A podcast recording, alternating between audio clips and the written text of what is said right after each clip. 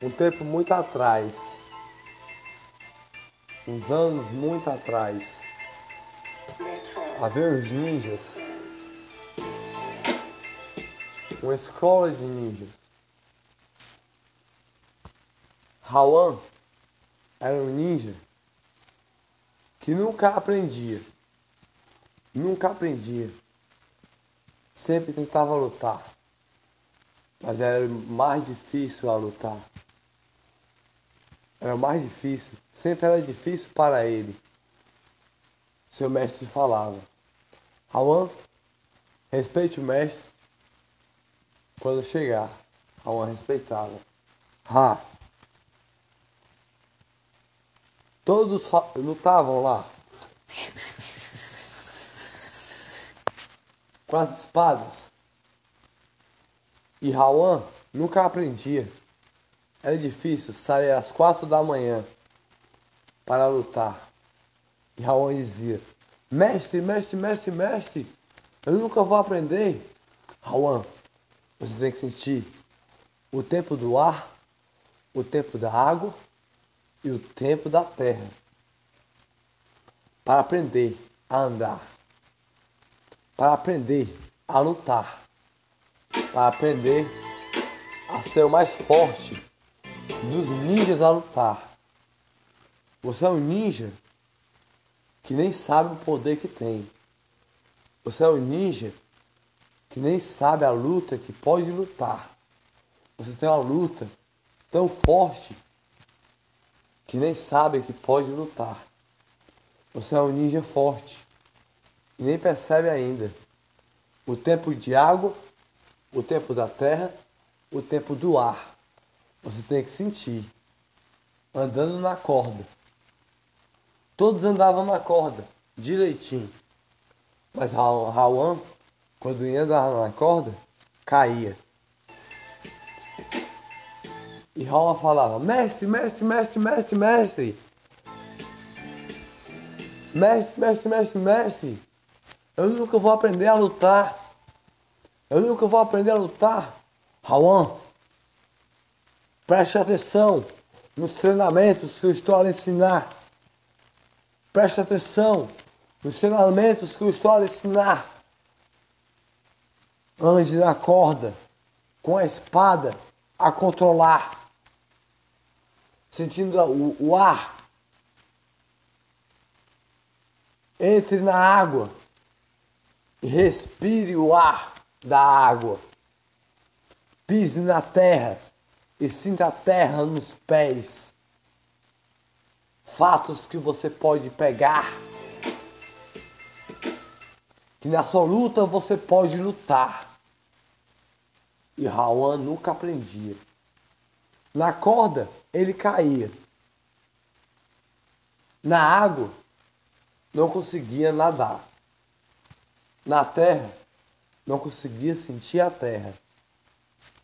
E Raul falava: Como vou aprender? Como vou aprender? Chegava em casa e falava. Sua mãe perguntava: Mãe, eu não consigo aprender a lutar. Mãe, eu não consigo aprender a lutar. E sua mãe falava, calma, Raul. Se você prestar atenção nas lutas, no que o seu mestre está a ensinar, no que o seu mestre está a ensinar a lutar, você vai aprender. Você vai aprender. Um dia o Raul, sentado do lado de uma árvore, chegou uma águia azul ao seu lado, forte, branca, e abriu a luz na sua frente. E Rawan dormiu. Naquele sonho que Rawan dormiu, ele começou a sonhar. Sonhar que era um ninja alto e forte lutava com vários ninjas a lutar. Lutava com vários ninjas a lutar. E aquela águia estava ao seu lado a ensinar. E a águia falou para ele: Rawan, Você tem que ter a força da água, do ar,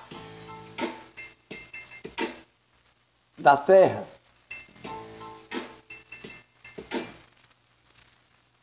Da corda andar. Eu vou tocar em você com essa luz de ninja para lutar. Quando menos você esperar, você vai ser outra pessoa a lutar. Acordou. Naquela mesma árvore, a águia não estava mais lá. E Rawan começou a andar. Rawan começou a andar. Pelos ninjas a andar. Foi lá às quatro da manhã, mais uma vez. Para a escola de ninjas a lutar. Chegando lá, ele chegou. Na corda ele conseguiu andar. Impressionante. Falou, mestre, estou andando na corda, com a espada de madeira a lutar.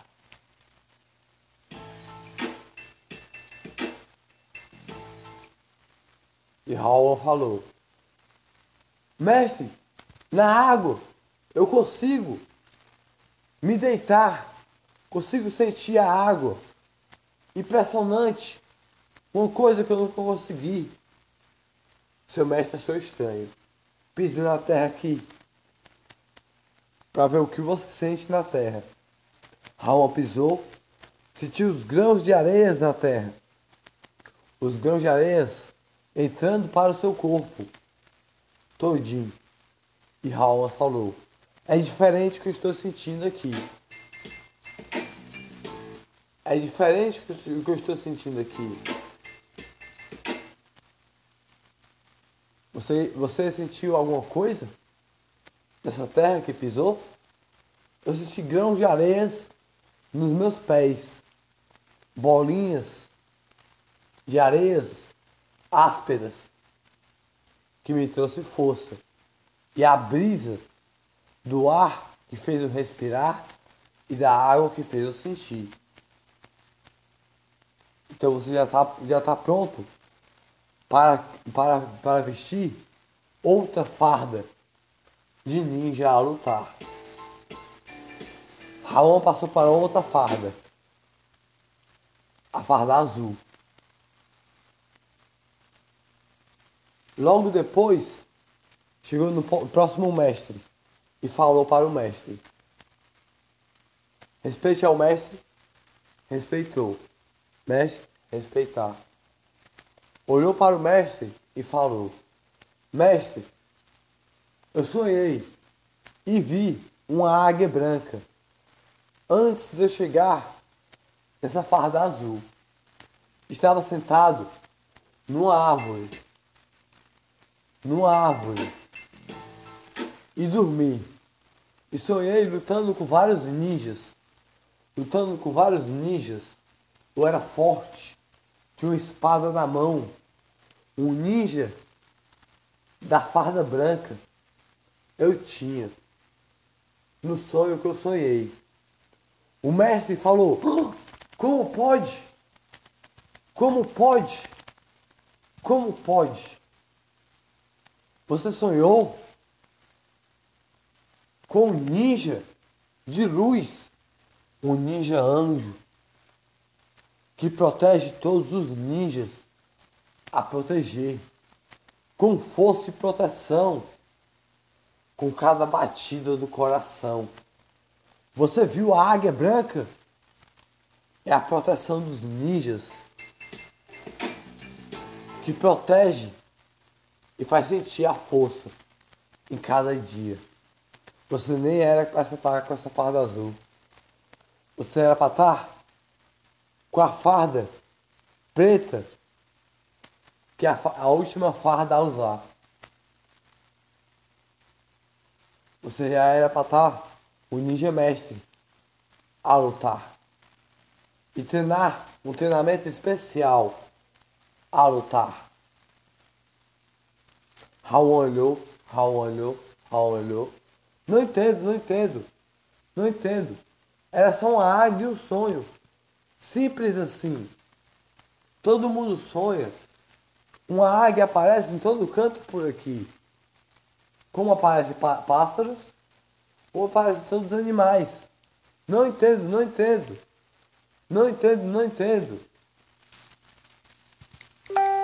De repente, Rawan olhou para aqueles ninjas que estavam lá. O mestre, novo mestre que ele foi. O treinamento especial não era da água, não era do ar, não era da terra. Era um treinamento de luta a lutar. Ele lutar por seu próprio mestre. Com a espada de madeira a lutar. Começou a lutar. E Rawan se esquivou.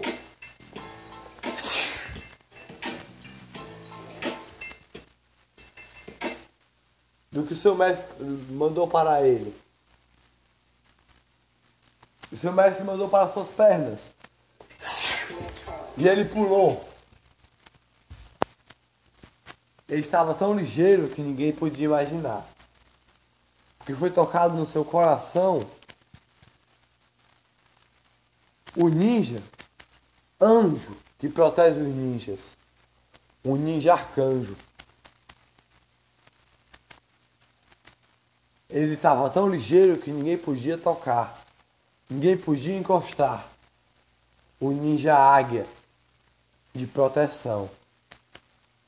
Ele lutou com o seu mestre e se abaixou quando o seu mestre jogou a espada no seu rosto a jogar.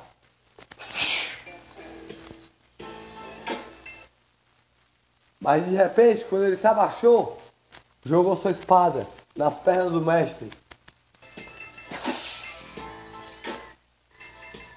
E seu mestre caiu no chão. Seu pé, ele botou em cima do mestre a colocar e falou: Eu ganhei de você. Agora, eu que sou seu mestre. Rawan, o tempo passou. O tempo de Rawan passou por muito tempo a passar. Rawan cresceu, cresceu e cresceu. Começou a ensinar outros ninjas a lutar. Ele já era o mestre de ninjas. Já era o mestre de ninjas de proteção. Protegia os ninjas todos assim. E pulava de casas em casas a pular. Casas em casas a pular. Ele pulava. De casas em casas a pular ele pulava. Um dia, na cidade chegou charlatões, charlatões, enganando o povo todinho da cidade, enganando o povo todinho, com feitiçarias, charlatões enganando o povo todinho. Nenhum dos, seus dos, dos seus homens chegou nele e falou: Tem charlatões na cidade querendo pegar as coisas do povo e enganar o povo. E fazendo feitiçarias por aí, enganando o povo, o povo com coisas que não existem. Charlatões, mentirosos, falam mentiras por aí que nem existe em nenhum lugar. Vamos lá. Vamos ver o que eles querem aqui. Enganando nosso povo. Enganando nosso povo aqui. Não vamos aceitar isso daí. Ele foi lá a andar. Quem são vocês? Era uma mulher e um homem lá. Ele falou: Quem são vocês? Oh! Temos aqui, temos aqui o que vamos lhe mostrar. Mágicas a mostrar para você. Na sua cidade, a sua cidade vai ser cheia de mágicas. Vai ser cheia de mágicas que nós temos de fazer. Vai ser cheia de mágicas. Coisas vai acontecer. Porque nós temos de fazer a nossa mágica aqui. Raul olhou, mesmo no olho, e se lembrou do anjo águia que ele tinha sonhado. E falou: Vocês falam mentiras por aí. Não falam da terra, não falam da água, não falam do ar, nem do, te, nem do, do sistema do ser humano. Vocês falam mentiras a falar. Mentiras. São charlatões. Pegando dinheiro do povo, enganando o povo. Dizendo que, que, que, que pode ver o futuro. O futuro ninguém pode ver. Só quem pode ver é Deus. Charlatões, mentirosos. Respeite o meu povo ou saia daqui. Ou algo vocês vão, vão, vão estar mexendo com coisas que nunca eram para mexer. Ele falou: ah, vocês não podem me enganar. Vocês não podem me fazer medo. Eu vou lhe mostrar algo que você nunca vai ver. O charlatão andava em escuridão. Jogou uma feitiçaria nele lá. Só que Rauan tinha a, o toque do anjo arcanjo, que era o próprio Miguel. E com sua espada de luz, ele jogou no charlatão. Te jogou que protegeu e de volta voltou pro charlatão. A feitiçaria do charlatão, um sapo virou. Quá, quá, quá, quá, quá, quá, quá, quá, quá, quá, quá. E a moça que estava lá logo se assustou Aquele charlatão era o mestre daquela moça. Mentirosos que estavam lá, enganando o povo todinho. Ela se assustou. Como você pode fazer com o mestre assim? Como você pode fazer com o mestre assim? Não podia fazer isso daí. Como você pode fazer com o mestre assim? Você está enganando, meu povo assim, dizendo que pode ver o futuro. O futuro só quem pode ver é o Espírito Santo que está no céu, que criou a terra, o ar, a água, que nós treinamos por toda a vida e lutamos. Minha espada é de arcanjo, de proteção. Não sou um ninja à toa, não. Sai da minha cidade de cabeça baixa, ou algo você vai levar aqui. O charlatão não saiu. A charlatona que estava lá. Deu uma risada. Deu uma risada lá. Risada de bruxa que andava por lá. Eram bru bruxos charlatões. Olhou para ele assim e falou: Algo eu vou jogar em você algo eu vou jogar em você. Só que, antes dela jogar, o a águia chegou, a mesma águia que ele sonhou, na frente, para lhe proteger. E a luz nela jogou. E ela evaporou. E o charlatão sumiu da cidade. Mentirosos da cidade sumiram, dizendo que podia ver o futuro assim, que ninguém pode ver, enganando a cidade todinha, enganando a cidade do ponto central até o ponto final. Eles enganaram todinho. E ele falou: Rauan, isso vai ficar por isso mesmo? Nossa cidade aqui? Isso vai ficar por isso mesmo? Charlatões chegar na nossa cidade e todos acreditar que podem ver o futuro? Futuro só quem pode ver é o Espírito Santo e o arcanjo que pisou na minha frente aqui. Destruindo esse charlatão. Mentirosos. Jogando maldições e vocês acreditando? Como podem, como podem, como podem acreditar em charlatões? Vocês foram enganados. Enganados. Famílias foram chorando para casa nesse dia. Porque foram enganados. E nada puderam fazer. E os charlatões sumiram de lá sumiram para nunca mais voltar. Charlatões mentirosos só faziam mentiras por aí.